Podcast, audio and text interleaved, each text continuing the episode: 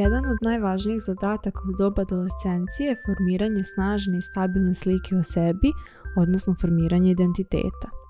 Iako se identitet razvija kroz čitav život, u adolescenciji po prvi put osoba počinje da razmišlja o sebi i o tome kako da odgovori na pitanje ko sam ja.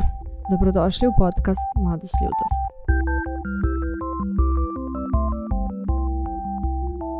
Identitet je dinamična struktura i organizacija naših potreba, nagona, verovanja, interesovanja, sposobnosti i vrednosti. Što je on više formiran, osoba je svesnija svoje jedinstvenosti i sličnosti sa drugim ljudima, ali svojih snaga i slabosti. S druge strane, što je on slabije formiran, osoba je više zbunjena u pogledu vlastite jedinstvenosti u odnosu na druge, nesigurnija je i mnogo češće se oslanja na spoljašnje faktore i druge ljude kada sebe procenjuje. Formiranje identiteta je individualni proces u kojem adolescenti istražuju uloge i razmatraju vrednosti koje će da neguju.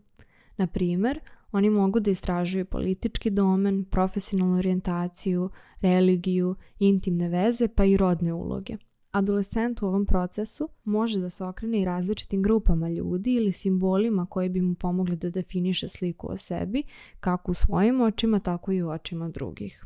Već smo u nekoj od prethodnih epizoda spominjali koliko je važna podrška roditelju u periodu adolescencije, a ona takođe biva važna i u smislu razvoja identiteta adolescenta.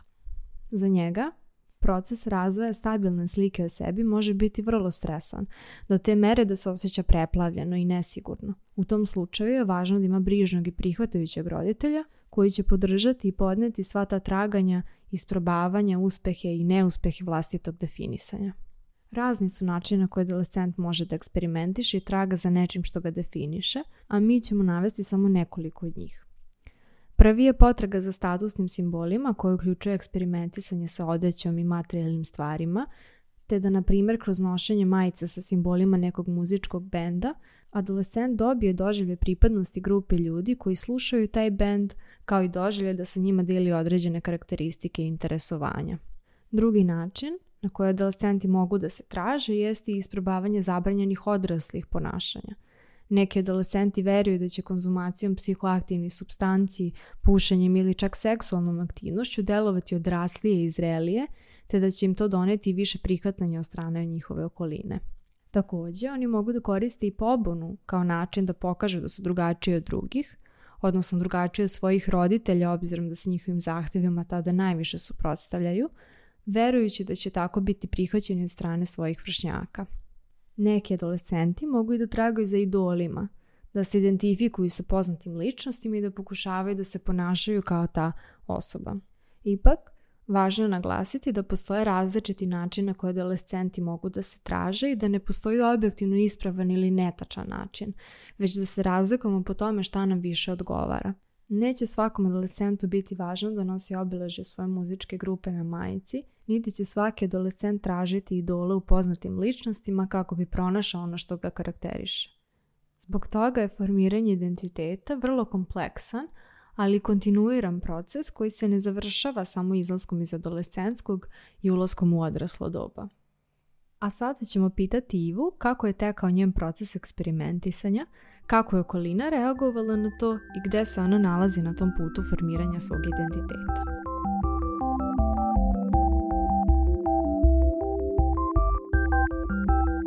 Ćao Iva. Eto, danas ćemo malo više pričati o važnosti teme identiteta u adolescenskom periodu i za početak bih te to pitala da li se kod tebe desio taj moment kad si se zapitala ko sam ja, šta je ono što mene definiše? To se desi kod svakoga, bar u nekom periodu, kod god to bilo. Um, desilo se i kod mene, naravno, samo što ja ne znam tačno određenu situaciju ili period kad se dešavalo. Ja sam, nisam tome predavala toliki značaj, u smislu da to se mora desiti, pa se mora desiti, pa nisam onda razmišljala, e, u ovom trenutku je to počelo, u ovom trenutku se zustavilo, nego se to nekako dio nekim normalnim putem. Uh mhm. -huh. A kako, kako je tekao taj tvoj proces nekog uh, dolaska do odgovora na to pitanje? Uh, šta je ono što mene zanima, koje su moje interesovanja, šta pa, ono što... Pa vremenom, odrastanjem, sazrevanjem, u smislu da polako odvajam bitno od nebitnog, prioritete i tako neke stvari i biram svoje okruženje, ljude oko sebe, pa tako i čime ću se baviti, šta ću raditi. I onda se jednostavno nekako prirodno filtriram šta me više zanima, šta me manje zanima i tako mm -hmm. da. A šta te, šta te tada više zanimalo, šta manje? Kako, kako tekao taj proces selekcije Pa sve što se naiš, e, na što sam naišla svojim putem, e, sam onako filtrirala u smislu e, ovo, probaću sve, pa šta me bude malo više zanimalo, to ću da nastavim, šta bude manje zanimalo, to neću. Mm-hmm. I onda jednostavno nastala neka prirodna selekcija nečega što mi više privuče pažnju, nečega što manje, pa probam, pa ako može odustanem da i tako da. Mm-hmm.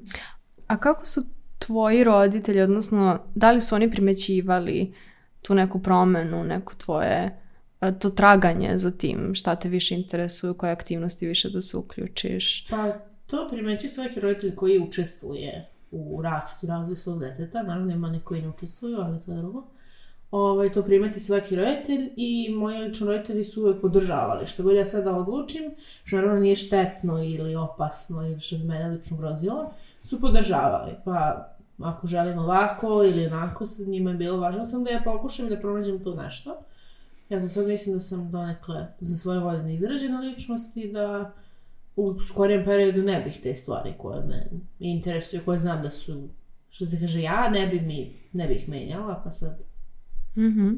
A jesu se nekada plašili da ćeš uh, možda otići u tom pravcu, da ćeš možda pokušavati da eksperimentišeš sa nekim ponašanjima koja nisu toliko primerena? Pa sigurno se svaki roditelj s neke strane plaši toga, možda to ne iznese ili bilo šta, ali sigurno da postoji neki bar crna sumnje šta ako, šta će vidjeti situaciju, ali mislim da ako se roditelj postavi na dobar način prema detetu i ako jednostavno učestvuje u njegovom životu, da onda neće biti potrebe za takvim stvarima. Naravno, ako se desi neka nepredviđena situacija, neka neželjena situacija u životu, Prvi front su roditelji i ukoliko su zaista uključeni i posvećeni tome, ne bi trebalo da se otrgnu nekom pogrešnom pravcu. Uh mhm. -huh. A da li si primećivala da i roditelji drugih vršnjaka tako reaguju, da su tako senzitivni, da su podržavali to eksperimentisanje i da li si primećivala da i tvoji vršnjaci na isti način eksperimentišu kao što si ti? Pa ima razlike u svakom roditelju, u svakom načinu posmatranja svakog živog bića, nebitno roditelja na roditelja. Uh, Ali, naravno, znam iz ličnog iskustva situacije u kojima su roditelji totalno van um, života svoje dece, do te mere da ih, barem tako izgled, mislim, sigurno sam i da je tako da ih ne zanima, ovaj, da su nekako samo za sebe i nisu baš kvalifikovani na dobar način kao roditelji. U smislu da nisu požrtvovanje, nisu, da misle uglavnom samo na sebe kao da još uvek nemaju decu, što naravno nije dobro. Uh, A ima i onih roditelja koji su stvarno požrtvovani i žele saslušaju kao moji. A ima i onih koji su nekako osrednje, i jedno i drugo, tako da ne mogu da kažem, znam svakakve situacije. A što se drugih mojih vršnjaka tiče, svako eksperimentiše na svoj način, jedan način je isti. Možda su neki postupci isti, ali na jedan način kao način se nekog svog shvatanja isti, jer ne, sad ne shvate svako na isti način. Mhm. Mm šta, e, šta bi rekla, um, kakvu sliku o tebi bi žela da drugi ljudi imaju? Mm, samo realnu sliku, znači ništa ulepšano, ništa, sam tako kako jeste, ja pokušavam tako i da se predstavim svima i jedna, to je jednostavno da bude realna slika. Mm-hmm. A kada bi izdvojila neku svoju karakteristiku, neku sposobnost, neku veštinu koju posebno vrednuješ kod sebe, šta bi to bilo? Možda empatičnost, mm-hmm. znam da budem empatična do mere, pa nije normalna više, ovaj, ali to je to. Mm-hmm. Ali bi volila da to isto drugi ljudi osete nekako, da povežu to sa tobom? Da, ali mnogi ljudi bi to iskoristili. Mislim, to što sam ja previše empatična, tako da nek bude samo iskrenost. Mm-hmm. To da povezuje sa mnom, empatičnost ne mogu baš. Mm-hmm. I za sam kraj bih te pitala um, kakav je tvoj doživljaj, uh, gde si na tom putu formiranja identiteta? No, mislim da sam za sada, za svoje godine formirala identitet tako kako želim da bude i ne bih ga menjala u nekom skorijem periodu. Mislim da se identitet formira jednom da se identitet kao identitet ne menja, sa neke karakteristike, neke zanimanje i tako dalje, naravno, kroz život, ali da se sam identitet ne menja jednom kad se stekne. Uh-huh. A bi rekla da, da postoji mogućnost da se on na neki način proširi u budućnosti? Na neki, neki... način da, ali to kod nekih ljudi. Uh-huh. Ne mislim kod svih. Ovaj, mislim da se uglavnom ličnost formira i može samo da se nadograđuje. Mm -hmm. U smislu da se suština ne može promeniti, nego može samo da se nadograđuje na bolje ili na gore. Zavis. Hvala ti opet što si bila ovde i što si razgovarala sa nama i na ovu temu.